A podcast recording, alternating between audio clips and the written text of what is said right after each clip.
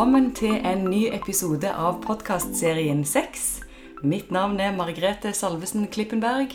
Jeg er sexolog og tar deg med på en reise i eget og andre sitt seksuelle univers. I dag er jeg så heldig å ha besøk av generasjonen up and coming. Jeg har besøk av framtida. Jeg har besøk av damene som skal styre framtida når vi ikke er her lenger. Jeg har besøk av noen av de viktigste menneskene jeg vet om, nemlig de yngre. I dag har jeg besøk av Frida. Velkommen til deg. Takk. Du kan jo starte med å fortelle litt hvem du er. Ja, jeg heter da Frida. Jeg er 19 år. Og for øyeblikket så går jeg på bygg, men på sida så er jeg aktiv i Sosialistisk Ungdom. Ok, så du går siste året på videregående. Ja. Hva er planen for framtida? Mm, planen er jo å flytte og studere og gå barnehagelærer. Ok, Mm. Så du engasjerer deg i forhold til barn og unge. Ja. Hva er det med det som trekker deg? Altså, hva, hva er det med det med å jobbe med barn du syns er spennende? Mm.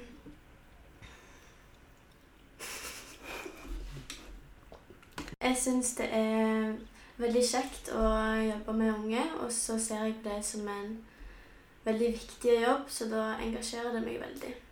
Og det er jeg så enig i, fordi at det med å jobbe med barn eh, Man er jo med å danne litt premissene for hvordan de skal utvikle seg.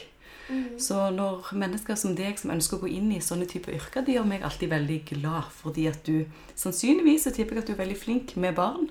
Og at du mm. har det der ekstra romslige varme hjertet som skal til for å kunne ivareta deg på en fin måte. Mm. Så det var kjekt å høre. Men du, grunnen for at jeg kjenner deg, eller grunnen for at du sitter her i podkasten min i dag, det er jo fordi at for en stund siden så tok du kontakt med meg og Ja. spurte om jeg kunne hjelpe dere i en sak som handler om seksualundervisning i skolen. Mm. Og seksualundervisning i skolen er jo et av de områdene jeg virkelig brenner for som sexolog, fordi at jeg mener på at vi er nødt for å revolusjonere seksualundervisningen til det beste for dagens unge.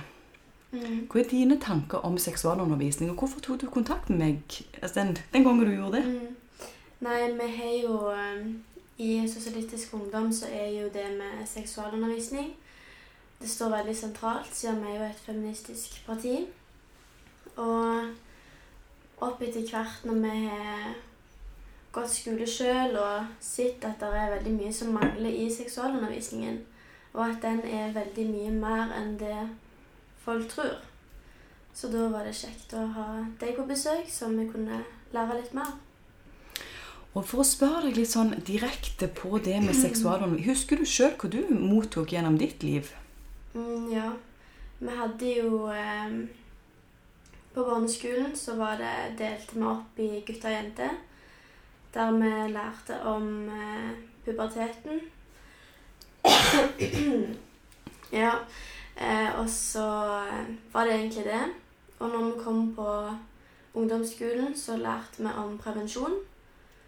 Og egentlig ingenting mer enn det, bortsett fra at vi fikk stille spørsmål hvis vi ville det. Mm. Mm. Så, så du opplever det som at seksualundervisningen har vært noe begrensa i forhold til det Mm. med å lære om kropp og seksualitet? Ja, veldig. Ja. Hva skulle du ønske at dere lærte mer om? Har du reflektert over det nå i etterkant? Mm. Ja, jeg, skulle, jeg tror mange skulle ønske at vi hadde litt dyktigere folk på besøk som var trygge på det de snakka om, og som var dyktige. Sånn at det ikke ble lagt så mye ansvar på oss om hva vi ville spørre om, siden det er jo litt vanskelig å vite hva du skal spørre om når du ikke har fått noe læring i det før. Mm. Mm. Ok, og hva er det da som skiller, sånn som du snakker om at du, du skulle ønske du hadde noen trygge eh, mennesker som tålte å snakke om dette på en Mm. åpen og fin måte. Altså, hva, hva er det med, med de som du hadde fra før av, som ikke gjorde det trygt nok for deg i den settingen der? Mm, det er nok mye med at jeg tror at mange lærere syns det er litt Hva skal man si Om de syns det er flaut, eller Og at de egentlig òg føler på at det, de vet ikke helt sjøl hvordan de skal gå fram med det. Og når man ser at de er utrygge, så blir man jo sjøl òg utrygge på det temaet, da. Mm. Mm. Og det er jo det som er så fryktelig vanskelig, syns jeg. Fordi at seksualitet og kropp og forplantning og nytelse og alt annet innimellom er jo det mest naturlige som fins i hele verden.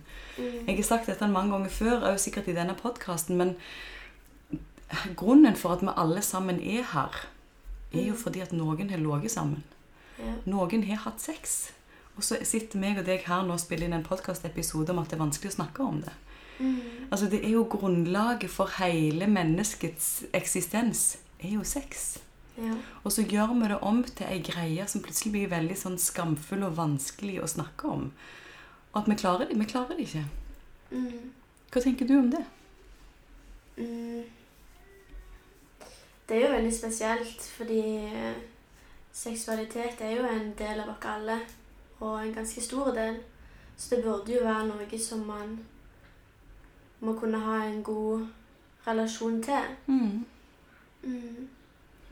Du som skal inn og jobbe med barn og unge, sannsynligvis. Eh, du har jo virkelig muligheten til å introdusere dette emnet med seksualundervisning i barnehagen. Mm. Har du tenkt på det? Uh, ja, jeg har jo tenkt litt på det. Og jeg tenker jo at seksualundervisning er veldig viktig og tilpassa til alder, og at det er noe som burde følge deg opp da, helt ifra du begynner i barnehagen med å f.eks. lære å sette ord på ting og sånn som det. Mm. Og det er jeg så enig med deg i. Det med å lære å sette ord på ting. Det er en fantastisk plass å starte med barn. Mm. Det med å benevne kroppsdeler, det med å benevne hvordan en er kommet til. Det med å gjøre det selvfølgelig på en aldersadekvat og tilpassa måte. Men det å gi barn informasjon ifra de er veldig små, kan jo òg sikre en helt annen grad av trygghet enn det vi gjør i dag. Ja. Jeg er jo litt sånn opptatt av hvordan vi rammer inn seksualundervisning. For det er jo så mange temaer vi kan ta av, og som vi kan snakke om. Eh, Og jeg syns jo selvfølgelig er det kjempeviktig å snakke om seksuell utvikling og pubertet og sexsykdommer og forebygging av uønska graviditet og menstruasjon og alt det er jo kjempeviktige tema. Men det er jo noe med måten vi rammer det inn på, måten vi snakker om det på. Mm. Eh, Jeg er jo veldig opptatt av at vi må normalisere òg det med å bruke kondom, f.eks. For eksempel. Fordi at i vårt samfunn, og spesielt i Norge, så er vi verstinger på kondombruk. Har du noen tanker om hvorfor vi er så håpløse i å bruke kondom? Ja, si det. Mm. Jeg tror bare at det nok har med holdninger å gjøre. At det Ja, hva skal man si? At det, det har blitt litt sånn merka til at det, det ikke er så kult. Mm. Og, ja. Men Hva er det det handler om, tror du? At det ikke er så kult å bruke kondom? Jeg er helt enig med deg at det er det som skjer, men hvorfor er det så vanskelig å få til en sånn aktiv kondombruk blant spesielt unge, men òg eldre, selvfølgelig? ja, det er jo et veldig godt spørsmål. Ja, Mm. jeg syns det er et kjempespørsmål. Det burde jo ikke være så vanskelig. Nei, men det er det. Og hvorfor er det det? er det noen mening om det? Nei, jeg har egentlig ikke tenkt så veldig mye over det. Mm. Mm. Det som jeg merker i forhold til min generasjon Nå er jo meg og deg ulike generasjoner.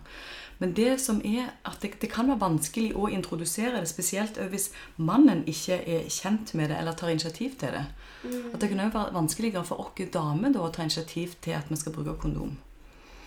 Eh, og det er jo òg sånn i min generasjon mange som sier at det er mange menn som ikke ønsker å bruke kondom og sier nei. Mm. Eh, og da er jo jeg under den oppfatningen av at så lenge du ønsker å bruke kondom, og mannen sier nei, så må du respektere deg sjøl såpass at du da sier nei til å ha sex. Ja. Fordi at det er kun én måte å forebygge eh, sexsykdommer på, og det er gjennom bruk av kondom.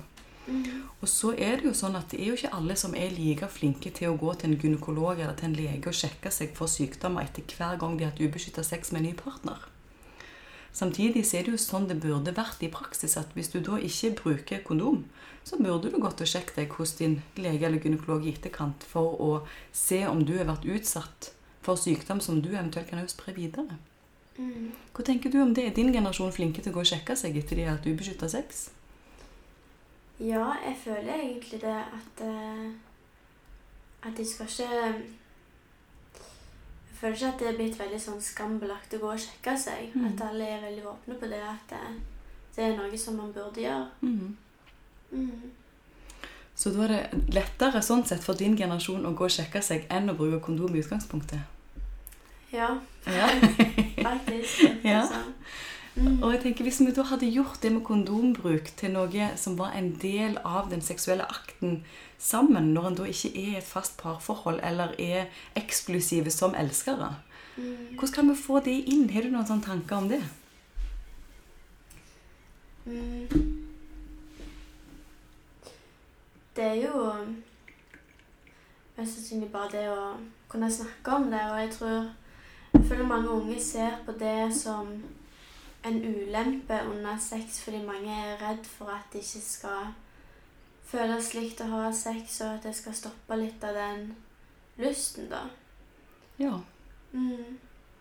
Og der setter du ord på noe kjempeviktig, syns jeg. Fordi at det er det mange er redd for. At det skal ødelegge på et eller annet vis for den seksuelle nytelsen. Mm. og spontaniteten i sex. Eh, samtidig så er det jo så viktig at hvis en har sex med ukjente, som du da ikke vet deres seksuelle historie, eller om du er den eneste de har sex med, eller om de har sex med mange, Mm. så må det med kondombruk inn, syns jeg. Ja. Eh, alternativt så må en òg kunne åpne opp en, en samtale rundt hvordan er ditt sexliv nå? Eh, Når sjekket du deg sist?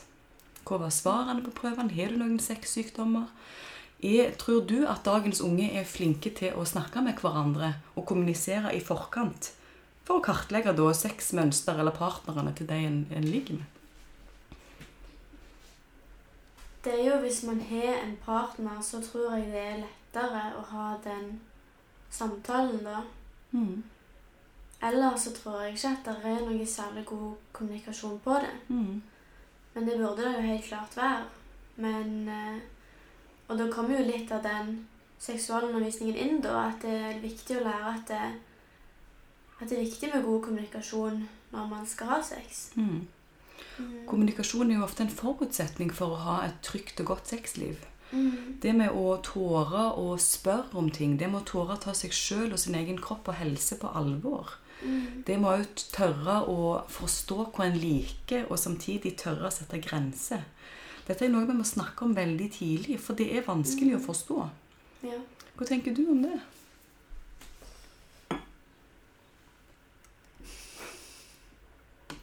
Hva er det med grenser som du syns er viktig å lære mer om? Alle har jo sine egne grenser om hva de syns er greit og ikke, og hva de ønsker å bli utsatt for, og hva de vil delta på og ikke delta på. Mm. Så det er jo veldig viktig å lære seg det å respektere sine egne grenser. Ja, og som du sier, at vi har alle våre egne grenser i forhold til hva vi vil delta på, og hva vi ikke vil delta på. Mm. Og samtidig så er det viktig å snakke om at det er mange som deltar òg i seksuelle ting som de ikke er klar for, eller ikke forutsetninger for å forstå konsekvensene av. Mm. Så det med å snakke med unge om at seksualitet òg er noe vi kan bruke for å enten få anerkjennelse av andre, for å søke kjærlighet, for å søke oppmerksomhet. Og at gjennom det med å søke kjærlighet og oppmerksomhet gjennom seksualiteten, så kan vi òg gjøre ting som er grenseoverskridende i forhold til det vi egentlig ønsker. Mm. Er du med meg på det? Ja. Hva tenker du om det? Mm. Det er ganske stort. Det er et kjempestort spørsmål. Fordi det er jo et veldig viktig spørsmål. Og det er jo noe som jeg har begynt å tenke igjennom, ikke når jeg var 19 år sånn som deg, men når jeg er 36 sånn som meg. Så har jeg begynt å reflektere veldig sånn gjennom min egen seksuelle historie. Og hvorfor eh, min seksualitet er blitt som den er blitt. Og da er det jo viktig å gå inn og se på de erfaringene som en òg har, og den intensjonen som en hadde i den erfaringen. Fordi at det er mange ting vi gjør mot oss sjøl med andre som ikke er forutsetninger for å forstå. En ting jeg òg ønsker vi skulle snakke mer med ungdom om, det er jo bruk av alkohol når en skal eksperimentere seksuelt. Mm. Fordi at det er så viktig når en skal eksperimentere og finne ut av ting, at en faktisk er helt edru. Mm. Hva tenker du? Er det sånn at mange eh, utforsker sexlivet og seksualiteten i fylla? Eh, ja, det tror jeg. Jeg tror mange forbinder det litt med at det, man tenker ikke så mye, og man bryr seg litt mindre når man har drukket alkohol. Og at de ser på at det blir litt lettere. Mm. Mm. Og bare, og bare det du sier der med at en bryr seg litt mindre, at en tenker litt mindre, at det blir litt Mm. enklere. Bare det er jo ord som i seg sjøl ikke henger sammen med det om å ha en trygg og god eh, seksualitet. Mm. Eh, fordi at er det noe man virkelig bør gjøre når en skal inngå i en seksuell handling med noen, det er jo virkelig å tenke seg om. For det første så bør en jo tenke på har jeg lyst til å være med dette mennesket her. Har jeg lyst til å dele det mest personlige jeg har, som er kroppen min, med dette mennesket? Og i så fall, hva har jeg lyst til å finne på med det mennesket i dag? Er det sånn at alt er ok, eller er det sånn at kroppen min kjenner noen grenser i dag? Og i så fall skal jeg kommunisere de grensene ut. Alt det blir jo viska ut når en òg drikker mye alkohol når en skal eksperimentere seksuelt. Og en risikerer òg der å utsette seg sjøl for ting som en ikke ville gjort hvis en var edru. Det er jo sånn at Seksuell nytelse merker man mindre til når man er rusa eller alkoholpåvirka. Du føler jo ting på en helt annen måte. Hva tenker du om det? Har du tenkt gjennom det? Ja, og jeg tror det er veldig mange unge som har ikke helt det forholdet med sex at det skal være en dyp og fin ting. Jeg tror at det For mange så er det sikkert bare blitt sånn sex er sex, liksom at det digger av og til. Jeg tror ikke det er veldig mange som tenker over at det er noe mer i det da. Mm. Nei, og da er vi jo inne i en veldig sånn forenkling av hva sex kan være i livet. Mm. Og det er der jeg er litt sånn Jeg er veldig, eh, jeg er veldig takknemlig for dagens unge fordi at dere har mye spennende perspektiver, mye vi kan lære av dere. Mm. Men dere har òg en tanke om at, sånn som du sier, at sex er sex. Mm. Og det er noe en kan ha av og til, at det blir veldig lite forpliktende i måten dere tenker seksualitet på. Er det sant? Det er jo veldig eh, individuelt for, for alle, men jeg tror at det er veldig mange som kjenner på det. Mm. Jeg jobber jo veldig mye mer altså det er flere kvinner som oppsøker meg, enn det er menn som oppsøker meg foreløpig. Mm. Og de fleste av de kvinnene som jeg er i kontakt med, har opplevd enten seksuelle krenkelser, seksuelle overgrep, voldtekt. Mm. Eh, Det med at de har eh, blitt utsatt for ting som har satt spor og har skada dem i livet. Eh, Og det kan være mange forskjellige ting det kan være. Mm. Men min opplevelse er jo ofte at vi ikke har snakket nok om hva det innebærer med seksuelle grenseoverskridelser. Og derfor er det jo mange som blir utsatt for det uten at de vet hva det er for noe. Mm. I vår tid da vi vokste opp, så var det et konsept som heter tøm og røm. Det var noe guttene sa når de bare skulle få seg noe. Er det et konsept som er i deres generasjon? Ja, det vil jeg si. Ja. Mm. Hva tenker du om det? Det er jo ikke Jeg syns ikke at jenter og kvinner skal bli sett på som et objekt på den måten der.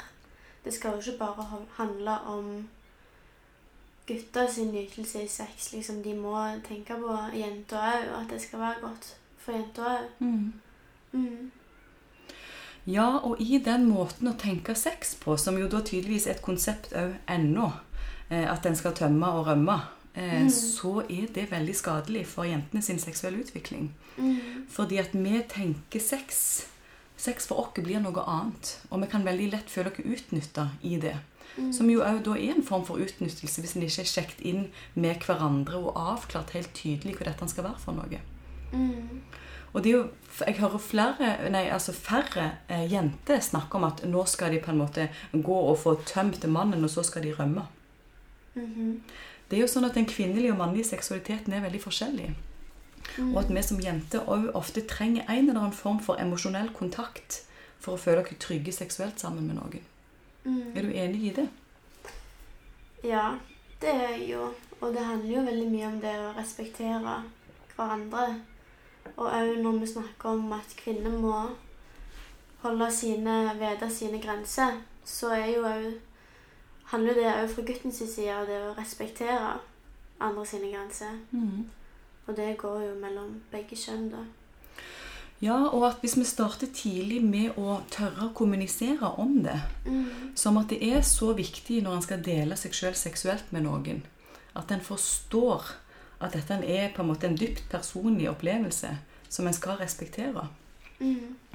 Og hvis en da eh, kjenner at en, en blir veldig avvist, eller blir utsatt for noe, eller pressa inn i noe, så er det alltid lov å si nei.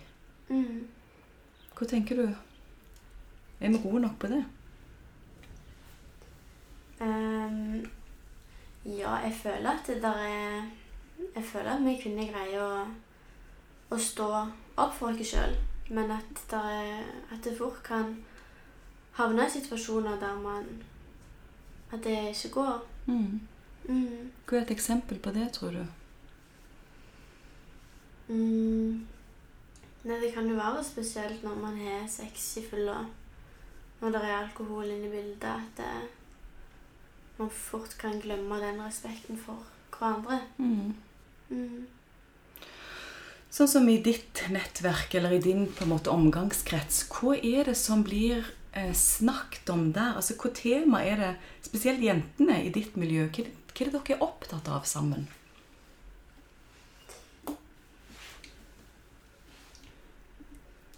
Rundt sex og sånt. Ja.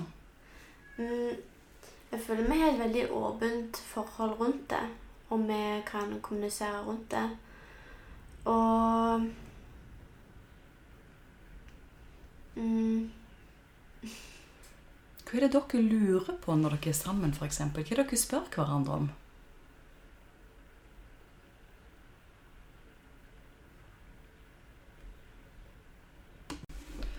For det vi egentlig snakker om nå, det er jo hvordan man kan bli trygg på seg sjøl og sin egen kropp og seksualitet. Mm. Og gjennom å bli trygg på det, så må en jo også kjenne seg sjøl og sin egen kropp. Mm. Når vi da snakker om onani, f.eks., det med å bli kjent med seg sjøl, er det et tema som dere lærte noe om på skolen, og syns du det er viktig å lære noe om det? Um, jeg har fått et inntrykk av at guttene lærte noe om det når vi lærte om mensen og sånt. Men underveis så er det jo ikke ikke onani vært noen tema i det hele tatt. Hva tenker du om det? Det er jo viktig å lære å kjenne seg sjøl. Så det er jo veldig viktig. Det er kjempeviktig, for all, eh, alt starter jo med forholdet man har til seg sjøl og sin egen kropp. Gjennom å forstå hvordan kroppen fungerer, og hvordan sette pris på hva som er godt. Gjennom å bli trygg på det å være med seg sjøl på den måten. Hva skulle du ønske at du lærte, da? Mm. Man skulle ønske at man lærte litt om hva som var hva, hva som fungerte til hva, og, sånn som det. Og så tror jeg jo at det er viktig å lære Jeg syns jo det er viktig å lære, sånn som du sier, hva som er hva. For å utfordre deg litt nå, da. For å presse deg litt. Hva er det du sikter til? Hva er det som er hva? Hvis du nå skal begynne å sette litt ord på ting på din måte, som òg er en del av dette her. Ja. Hva er hva? Det handler jo litt om å vite om klitoris og sånne ting til det, om hva jenter kan bruke for å oppnå en orgasme, Mm. og hva som gjør at eh, sex kan være digg for jenter òg, da. Mm. Mm. Og der sa du det så fint. Og det er det som er òg litt spennende med det å snakke om kropp og sex. At vi ofte syns det er vanskelig å ta ordene inn i munnen og si det første gangen. Men nå har du sagt det. Nå har du snakket Ja. om klitoris og orgasme. så nå er det greit. Men med en gang så blir vi alltid veldig sånn Hvilke ord skal jeg bruke nå? Ja. Og der skulle jeg jo òg ønske at vi gjennom seksualundervisning kunne få et felles språk. Mhm. Sånn at vi alle sammen kan snakke et felles språk og sette ord på ting, så vi slipper at K er K. For vi vet gjerne ikke helt hva som er K. Mm. Men gjennom å forstå hva som er K, Ja. så kan vi òg ha et felles språk for å snakke om det. Så veldig bra at du tok den utfordringen på strak arm. det var veldig fint. Mm. Hva andre ting er det du er opptatt av med inn i seksualundervisning? Mm, jeg er veldig opptatt av at det skal være en uh, mangfoldig seksualundervisning, og at den skal At det skal være en undervisning som kan treffe alle. At være At alle skal kunne kjenne seg igjen i den. Mm. Hva betyr det for deg? Hva vil du trekke fram der? Mm. Det handler jo om både sex mellom forskjellige kjønn og òg med det med kjønnsidentitet, det å lære å forstå litt om hvem man sjøl er. Ja, og sånn som det. Mm. Så gjennom å forstå seksuelle preferanser, f.eks., Mm. gjennom det å forstå at det er mange forskjellige kjønnskategorier, Ja. gjennom det å forstå at det finnes mange forskjellige måter å inngå i relasjoner på Mm. Du har jo så mange eksempler på det. Ja. Men det med å lære veldig tidlig at det fins på en måte ikke noen regler her for hvordan det skal se ut, Mm. og at en sjøl kan være med å definere litt hvor en kjenner at en passer inn henne. Opplevde du at det var mye av det i seksualundervisningen som dere fikk? Nei. Det var ikke snakk om noe sånt. Ikke homofili heller, som jo er ganske Mm. eh, innafor å snakke om. Ja, nei, vi var Det var ikke noe sånn som jeg husker. Mm. Ok, men det som du sier at du ønsker en seksualundervisning som er mangfoldig, som alle kan kjenne seg igjen i. Mm. Og så nevner du noen kjempeviktige tema. Er det andre tema som du kommer på som du har lyst til å utfylle med? Eh, ja. Der er jo f.eks. det med grensesetting og Det hvis du skulle havne i en graviditet og abort og sånn som det. For det, det fins jo ganske mange sånn skumle statistikker med voldtekt og mishandling og seksuell trakassering og Så man kan vel si at seksualundervisning vil foregå òg litt som forebyggende. At det må vite hvor grensa går. Mm. Mm. Og en god seksualundervisning forebygger jo òg mange uheldige konsekvenser. Mm. Hvis man vet og har mye kunnskap knytta til sex og hvordan det fungerer, så forebygger det uønsket graviditet, bl.a. Mm. Det får ned tallene i forhold til sexsykdommer når en har kunnskap om det. Det er sånn at man lærer tidligere å respektere sin egen kropp, sånn at den ikke invaderes eller grenseoverskrides på samme måte. Så det med å ha en god og trygg seksualundervisning, det er mye viktigere enn det vi kanskje tror. Mm. Nettopp for å forebygge at det skjer uheldige og skadelige konsekvenser. Ja. For skadelige konsekvenser tar vi jo med oss inn i voksenlivet og inn i voksenseksualiteten, måten vi inngår i forhold på til andre. Mm. Hva er dine refleksjoner rundt det? Jeg tenker det er jo viktig å, at man kan begynne med å ha et sunt forhold til seksualitet. For hvis man skulle havne oppi noe som er, går over grensa, så kan det ødelegge ganske mye for ting videre for deg. Mm.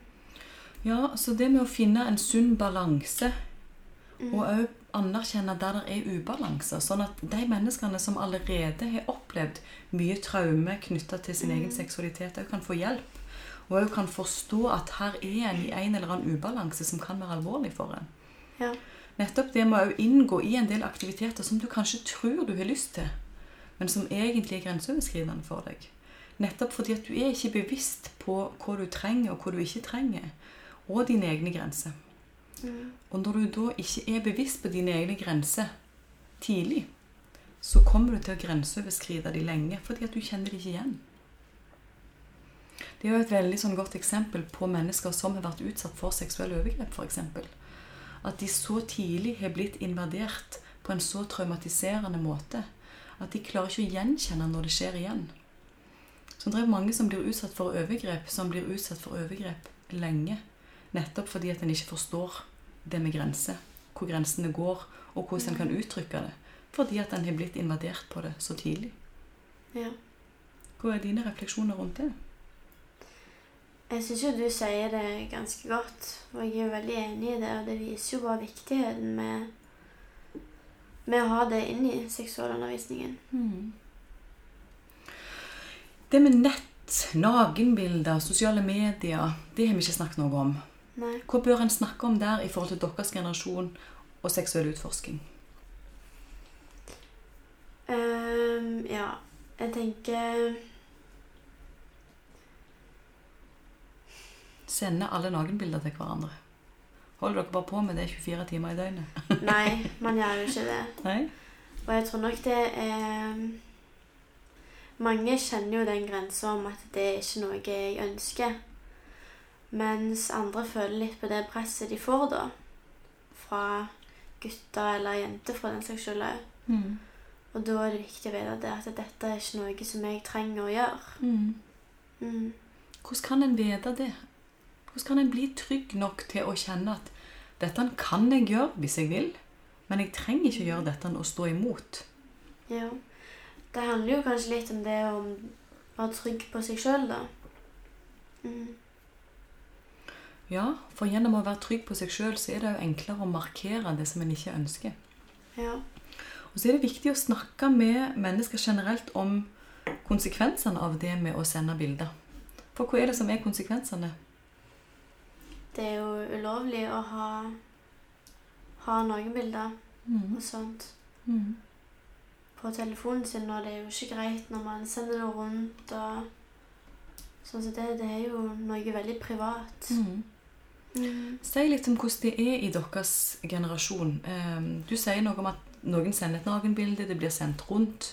Hvordan tror du det påvirker de som er senderen av bildet? Hvilke konsekvenser tror du det får? Mm. Ja, altså det kan jo ødelegge framtida på mange måter. Det er jo ikke noe du vil ha på deg, og hvis man Man mister jo litt respekten fra andre. Hvis man kan si det sånn. Ja, gjennom å ha sendt bilder. Nei, jeg trodde du mente med å sende Ja, de å vekk. sende. Ja. Så, Mm. så dere er kommet der at da mister en respekten for de som sender de videre til Ja. andre. Ja. Men det er jo sånn som vi Altså når vi gikk på ungdomsskolen og sånn, så var jo det et tema. Og det kunne skje, og at de kunne bli sendt rundt. Mm. Og da blir det jo fort litt sånn på begge parter, der begge to blir sånn Hvorfor har hun gjort det, samtidig som hvorfor har han gått og sendt det rundt? Og Mm. at det er veldig synd da at det skal gå på begge parter, når det egentlig skulle være noe som var privat mellom de to. Mm. Mm. Ja, for det som en ser, det er at dette blir jo ofte brukt veldig sånn hevnaktig i etterkant. Der en skal eksponere hvis det har skjedd et eller annet, eller det er blitt slutt. Ja. Eh, Så det må ha en helt klar og tydelig avtale på at her er en nødt for å respektere hverandre. Mm. Eh, Og hvis en da har sendt bilder, som jo er en del av den seksuelle utforskingen i dag, på en helt annen måte Vi hadde jo ikke engang mobiler når jeg vokste opp. Nei. Så er det liksom, jeg tror det er kommet litt for å bli, men en er nødt for å definere et slags rammeverk rundt det for at det skal bli trygt for de som utforsker det. Mm. Hvordan tror du vi kan komme der? Det er jo sånn som vi har snakket om egentlig hele veien, det med å ha en god kommunikasjon rundt det. Og en åpenhet rundt det, at det skal gå an å snakke om. Mm. Mm. Og òg det med å ha såpass respekt for andre mennesker at når det da tar slutt, Mm. så sletter en og gir slipp. Ja. Og ikke er ute etter å ta noen her i livet. Mm. For det med å ta noen på deres kropp og seksualitet, det vil skade deres seksuelle utvikling og måten de kan leve ut sitt sexliv når de blir eldre. Mm. Jeg, jeg er i kontakt med så mange som sier akkurat dette her, at den formen for Det er jo en, en form for psykisk mishandling på et vis. Eh, Der du Mm. blir så usikker til sjøl på din egen kropp og din egen nakenhet fordi at du er blitt utsatt for det du er blitt utsatt for. At du til slutt ikke tør å være naken sammen med andre, f.eks. Mm. Det er jo også veldig mange gutter som opplever at jenter bruker det med penisstørrelse eller gjør narr av størrelsen deres eller hvordan de ser ut på. Som òg får veldig store konsekvenser for de i voksen alder. Mm. De kan òg slite med ereksjonsproblematikk, de kan få psykiske problemer pga. det. Eh, Og de kan òg slite med å inngå i intime relasjoner fordi at de er så usikre på seg sjøl basert på at noen tidligere, òg i ungdomsårene, kom med sånne negative kommentarer. Ja. Hva tenker du om det? Ehm, det handler jo Man kan jo kanskje dra opp det litt med den seksuelle trakasseringen, da. Fordi alle har jo sine egne grenser, og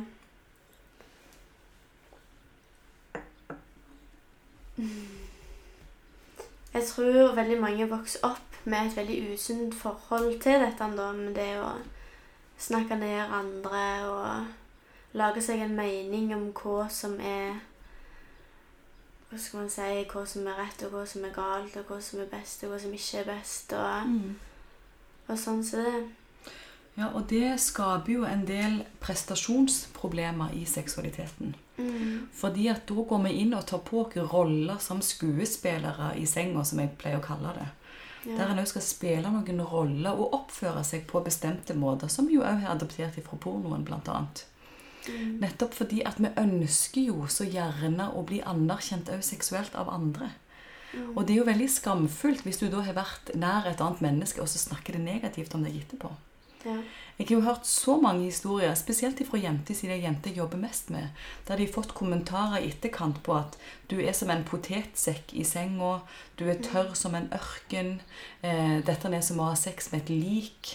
Eh, og så tenker en da ikke over hvilke konsekvenser dette får for det andre mennesket. Jeg har hørt så mange eksempler på at her er du nødt for å leve deg mer inn, du er nødt for å by mer på deg sjøl.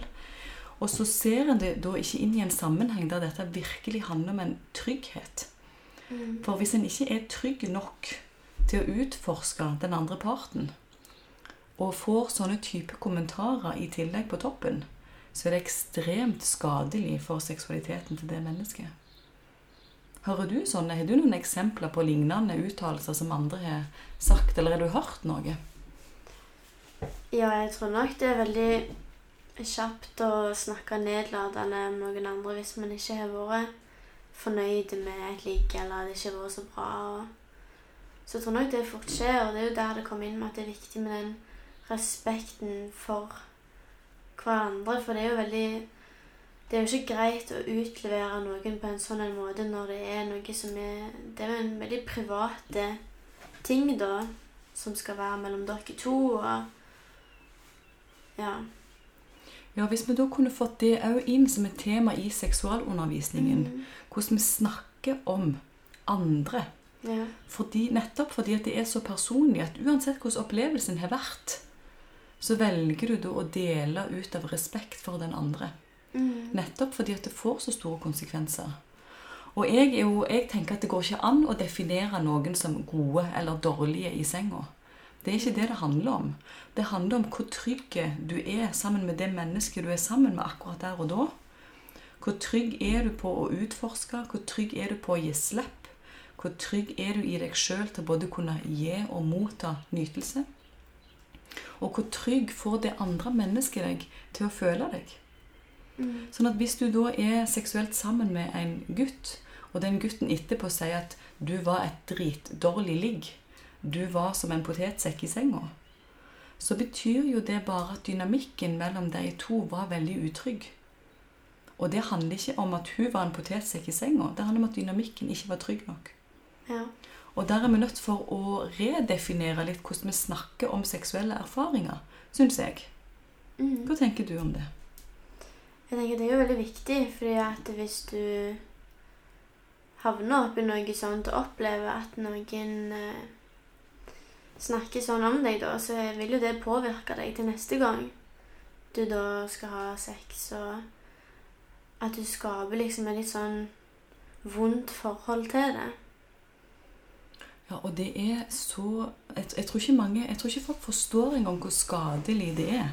Mm. For det ødelegger og blokkerer for så mye seksuell nytelse. Og så mye En tør ikke å by på seg sjøl seksuelt sammen med noen andre. Nettopp fordi at en har fått sånne negative kommentarer. Mm. Så der, der er det òg et potensial for å få dette inn i seksualundervisning, tenker jeg. Sånn at vi får åpne opp en diskusjon rundt hvordan vi rammer inn måten vi snakker om andre på. Og nettopp fordi, sånn som jeg sa i stad, sex er jo så ekstremt personlig. Og det er jo sånn at mange jenter kan jo snakke om gutter som gode eller dårlige i senga. Men igjen, det er ikke det det handler om. Ingen av oss er gode eller dårlige i senga. Fakt, det er jeg helt uenig i. Jeg, jeg synes, hvis jeg òg ser på mine elskere gjennom mitt liv, så kan ikke jeg definere hvem som har vært gode eller dårlige elskere. Jeg kan kun definere hvem er det jeg har følt meg trygg nok sammen med til å ha det godt sammen med. Og hvem er det jeg ikke har vært trygg nok sammen med til å ha det godt sammen med. Det er dynamikken mellom oss to som betyr noe, ikke hvem jeg var for han, eller hvem han var for meg. Mm. Har du tenkt på det på den måten før? Nei, ikke egentlig. Og jeg tror at det er veldig mange unge som hadde hatt godt av å høre det. Mm. Og at det At det er litt det det handler om, da. Mm. Mm. Ja, for bare tenk igjen, altså Hvis jeg da skal tenke igjennom de beste seksuelle opplevelsene jeg har hatt i hele mitt liv, så er jo det med mennesker som jeg virkelig har vært glad i. Mm. Det er jo med mennesker der jeg ikke torde å invitere dem inn i min egen sårbarhet. Det er jo der vi ikke legger vekk alt som heter prestasjon. Der vi legger vekk alt som heter om å oppnå et mål. Der jeg legger vekk alle mine roller som skuespillerinne i senga. Der jeg ikke lager lyd fordi at jeg tror det er forventa av meg, men fordi at kroppen på en måte gir etter for å ha det godt. Der jeg ikke er usikker på hvordan kroppen min ser ut i en eller annen bestemt type stilling fordi at jeg var usikker på hvordan mannen så meg i den situasjonen. Der jeg virkelig klarer å slappe helt av i min egen kropp og komme ut av mitt eget hode for å ta imot det som skjer. Mm. Nå snakker jeg i vei her. Hva tenker du å si? Nei, det Når du snakker, så Man merker at du er veldig dyktig. Og jeg tror, hvis man skal tenke da i seksualundervisning, at det er viktig å ha dyktige personer til å være der og snakke. Og spesielt når man Man merker jo at du er veldig trygg på det, det du snakker om. Så det hjelper jo andre i å forstå ting. Ja, og jeg har så lyst at vi skal være trygge nok her til å kunne leve gode liv med kroppen vår. Mm. Med å leve gode liv i relasjoner med andre. Jeg har jo òg troen på at man kan ha gode og morsomme og respektfulle one night stands, f.eks. Jeg tenker ikke at her må alle liksom, seksuelle relasjoner være basert på veldig stor grad av langvarighet og sånne ting. Det er ikke det jeg tenker på. Jeg òg tenker at gjennom et one night stand så kan du da respektere hverandre veldig godt. Nettopp gjennom å avklare hva det er for noe. Snakke om ting på forhånd. Sette grenser for hvor kroppen din er hen akkurat den dagen. Og det må ramme det inn som en fin og respektfull opplevelse i etterkant. Så her er det så mye vi kunne ha snakket om. Og vi har snakket dere, ja, ja, Alt handler jo om seksualundervisning, for så vidt. Men er det andre ting vi burde snakket om der for å ta det litt mer inn i den settingen som vi snakker om i dag? Hvordan mente du? Ja, hvordan mente jeg? Hvordan mente jeg? Hva andre ting Hvis vi nå skal lage en ukeplan i skolen, der vi setter opp tema Hvis vi nå liksom meg og deg skal lage en timeplan nå, det er meg og deg som er ansvarlig for seksualundervisningen i hele verden. Hva tema skal vi ta med i den seksualundervisningen framover? Hvor skal vi starte henne? Jo, vi skal starte i barnehagen. Ja. Og hva er det vi skal lære ungene i barnehagen? Å sette ord på ting. Ja, Mm. Hva er det vi skal si til dem? Er det noen forslag? Så jeg utfordrer deg litt igjen. det syns jeg er litt gøy. Nå har vi snakket så lenge, nå er vi litt varme i trøya her vi sitter. Det vil jo mest handle om det å sette ord på kjønnsorganer og Og da blir jeg jo veldig frista til å spørre. Vet du hva som kommer nå? Ja. Hva kaller du ditt eget kjønnsorgan?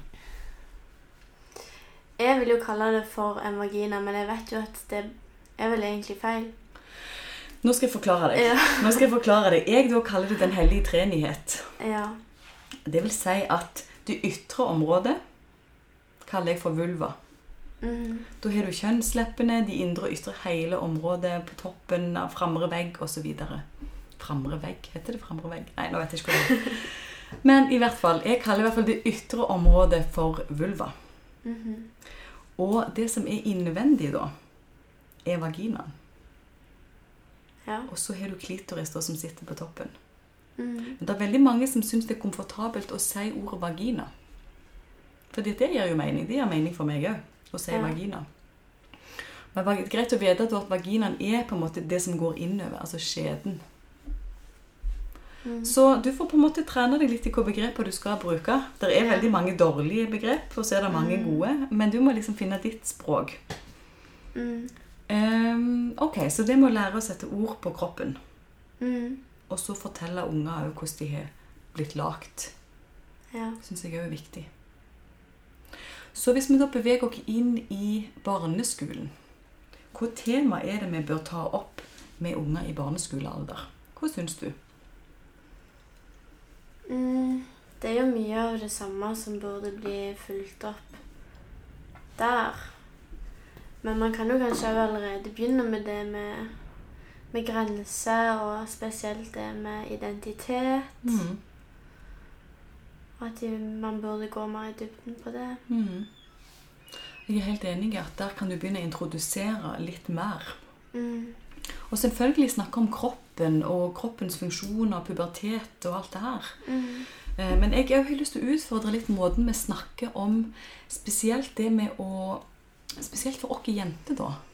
Det med å leve mer i tråd med vår egen syklus, f.eks. Det snakker vi ikke om. Det med at kroppen vår gjennom hver måned er i en veldig sånn dyp og spennende forandring. Der kroppen vår forbereder seg på å ta imot og skape et nytt liv. Vi går igjennom da fire stadier som jeg pleier å kalle både vinter, vår, sommer og høst. Ja. Der vi er i ulikt modus i de ulike tidene. De ulike syklusfasene. For den perioden før eggløsning Det er mange som ikke vet det at en er nødt for å være i den fruktbare perioden knytta til eggløsning for å kunne bli gravid. Og at det bare er et par dager i året Nei, ikke i året. Et par dager i året man kan bli gravid. Det er det ikke. Et par dager i måneden man kan bli gravid. Og det må treffe akkurat inn i den perioden. ja. Og at når en er fruktbar, og når en he, går igjennom den fruktbare fasen, så er det òg noe som skjer i oss. Vi blir mer kreative, vi får mer seksuell lyst. Det er sånn at vi bør bruke den perioden til å virkelig se på og skape ting i livet vårt hvis det er noe vi har lyst til å gjøre. Vi er i bedre humør, vi har mer energi. Og så kommer vi jo da til den perioden som handler om menstruasjon som er en periode som er helt annerledes. Vi føler oss helt annerledes. Og kroppen er òg helt annerledes. Fordi at vi gir slipp på all den energien som vi skapte tidligere gjennom eggløsningen. Man òg menstruerer, man, man gir slipp på blod fra kroppen sin. Og det blodet er det jo så mye positivt med. Fordi at det blodet skulle vært med til å skape et nytt liv. Vi har jo en tanke om at mensen er noe ekkelt. Vi syns det er litt ekkelt med mensen. Ja. Jeg syns mensen er helt fantastisk. Jeg blir så glad hver gang jeg har mensen. Fordi at det er jo en periode jeg bruker til å manifestere endringer i mitt liv. Der jeg gir slipp på ting, der jeg virkelig jobber med meg sjøl og går igjennom ulike prosesser. da. Men dette er en helt annen måte å snakke om det på. her. Nå snakker jeg og snakker og snakker om akkurat temaet. Og du har sikkert aldri hørt om det før. på den måten. Men vi snakker jo, du har hørt om PMS. Mm. Den perioden før mens de er litt sånn sure og irriterte. Ja. Og så driver vi og snakker om det på en måte som at ja, men du er premenstruell, eller du har mensen, eller Jeg ønsker å utfordre den måten å tenke på til å virkelig se på hva er det som kommer opp i kroppen din i den perioden. Hva er det du blir irritert på? Fordi at egentlig så er det kroppen sin måte å signalisere hva du bør ta tak i i livet ditt. ja. Men ok, nå snakket jeg meg godt inn i et eller annet her. Hva tenker du om det jeg sier? Um, jeg begynner å tenke litt sånn at det her er første gang noen har forklart det sånn til meg, og det er jo litt galt når jeg er snart 20 år. Men det, vi, tenker, vi, vi tar kroppen litt for gitt, syns jeg. Mm. For jeg ønsker jo at vi skal forstå kroppen og det vi går igjennom, på en litt annen måte. Jeg har lyst til at vi skal ta tilbake òg naturelementet av det å være menneske. For vi går jo igjennom Kroppen vår går igjennom forskjellige ting og, og utskiller ulike hormoner i ulike faser som òg påvirker hvordan vi har det gjennom en syklus, f.eks. Og det har jeg jo lyst til at vi skal snakke mer om. Ehm, men barneskolen. Hvis vi nå skal videre til ungdomsskolen, hva er det som er viktig at vi introduserer der? Hva er det som er de kjerneområdene, syns du? Eh, jeg tenker at det er viktig å følge veldig opp med grensesettingen. Og at man kan begynne å introdusere litt mer med sex og seksuell nytelse. Og for mange har jo utforsker jo seksualiteten sin før de blir 16, og da er det viktig at de, at de kan litt før da òg. Mm. Mm. Og så bygge videre selvfølgelig på det med mangfoldig seksualitet. Mm. Kjønn. At det er et spekter i forhold til det med kjønnsidentitet og kjønnsforståelse. I forhold til seksuelle preferanser. Hva er det du blir tiltrukken av? Det kan jo forandre seg gjennom livet. En kan være tiltrukken av ett bestemt kjønn en periode, og så kan en snu og være tiltrukken av noe annet på et annet stadie. Eller en forholder seg veldig sånn lojalt til det en har bestemt, at en er heterofil eller homofil, eller hva det enn skulle være. Men å òg se på seksuell um, altså seksuelle preferanser da som et spektrum, der du kan gå litt fram og tilbake i det. Det er litt flytende, faktisk, for veldig mange. Ja. Og òg snakke om sex på en måte som gir mening òg for ungdom. At det er ikke sånn at det foregår heller på en bestemt type måte. At der er nødt for å finne litt ut av hva en trives med. Ja. Og det med å snakke om, om ulike måter å ha sex på, og hvordan det kjennes ut for kroppen. Og det er jo så viktig å forklare for, orgasme. Vi har nesten ikke sagt det ordet i dag. Du har sagt det én gang. Jeg har ikke sagt det en gang i hele dag. Sånn at vi lærer å forstå hva det er som skjer i kroppen. Det er òg veldig mange som kommer til meg som har problemer med å få orgasme. Både med seg sjøl eller med andre. Er det et tema som dere ungdommer Når du er litt sånn ungdom for meg, selv om du er sånn litt ung voksen, Mhm. er det et tema dere snakker om? Ja, det vil jeg si. At det er noe som man er opptatt av. Og jeg tror nok etter hvert som vi har blitt sånn Nå når vi er kommet opp i og blitt litt sånn eldre, at det, at det blir mer fokus på det, og at vi kan snakke åpent om det. Så det syns jeg jo er veldig bra at eh, vi har klart å begynne å snakke med hverandre om det og ha en god kommunikasjon og Mm. er veldig åpne rundt det. Mm. Mm. Og da begynner en etter hvert å få kanskje en forståelse av hvordan den kvinnelige orgasmen faktisk er. Mm. Hva tror du, hvis du skal gitte, hva er den mest vanlige orgasmen å få? Mm, det vet jeg ikke. Jo, du har sagt det, du har sagt det ordet tidligere i dag. Min klitoris. Ja! Ja. og det er det mange som ikke vet, fordi at de forventer at de òg skal få sex Nei, ikke få sex, men få orgasme gjennom vanlig penetrering, f.eks. Mm, Det er det veldig få som oppnår. Ja. I hvert fall i starten, før en virkelig blir kjent med sin egen kropp og hvordan den fungerer. Det snakker vi ikke heller om. Nei. Sånn at veldig mye av den sexen vi har ifra vi er unge, og fram til vi når et eller annet visst eh, bevissthetspunkt, så er det veldig lite orgasme å hente for jentene sin del. Mm, Er du enig i det? ja. Og det handler jo om seksualundervisning. Fordi at det er jo ikke noen vond vilje verken hos guttene eller hos jentene her. Men vi mangler jo kunnskap og forståelse av hva det er som faktisk skjer i kroppen gjennom sex. Ja. Så det må snakkes mer om. Mm, De fleste jenter trenger faktisk klitorisstimulering for å oppnå orgasme. ja. Og oppnår ikke orgasme gjennom penetrering. Og så er det jo noe med måten vi har sex på generelt i vårt samfunn som jeg syns er kjempeinteressant. Fordi at han føl- følger en viss form for struktur. Ok. Hvordan vil du ta meg inn i den strukturen? Hva er dine tanker rundt det? Hvordan foregår ting? Noe som er spesielt for Ja, hvordan gjør vi det? Hva holder vi på med? Hvordan ser det ut? Er vi gode på foreplay, f.eks.? Jeg vet ikke, kanskje ikke. Nei, jeg syns jo ikke vi er det. Nei. Fordi at det er sånn at vi jenter vi trenger så lang tid egentlig på å gjøre kroppen klar for å ta imot seksuell nytelse. Mm, Og med å skippe den der foreplay-fasen, så òg fratar vi oss sjøl muligheten til å oppnå dypere nytelse. Jeg har sikkert sagt dette før i en eller annen episode, men jeg leste et sted at eh, ei kvinne trenger gjennomsnittlig 40 minutter på å bli virkelig klar til å ta imot penetrering, f.eks. ja. Det er jo et, det er jo, det er jo et stykke tid. Mm, Det er jo det. Og så er det jo sånn at veldig mange går litt mer rett på sak. Og det er jo ofte sånn at for oss jenter så trenger vi faktisk å koble på brystene våre i første omgang. Nettopp fordi brystene er en forlengelse av hjertet vårt. Og vi, vi kobler oss sjøl veldig opp mot sex gjennom følelsene våre. Så det med å berøre brystene og koble dem på først, og så sjekke inn med vulvaen og vaginaen når man er klar i det hele tatt for å ta imot penetrering. Og det er ikke alltid man er klar.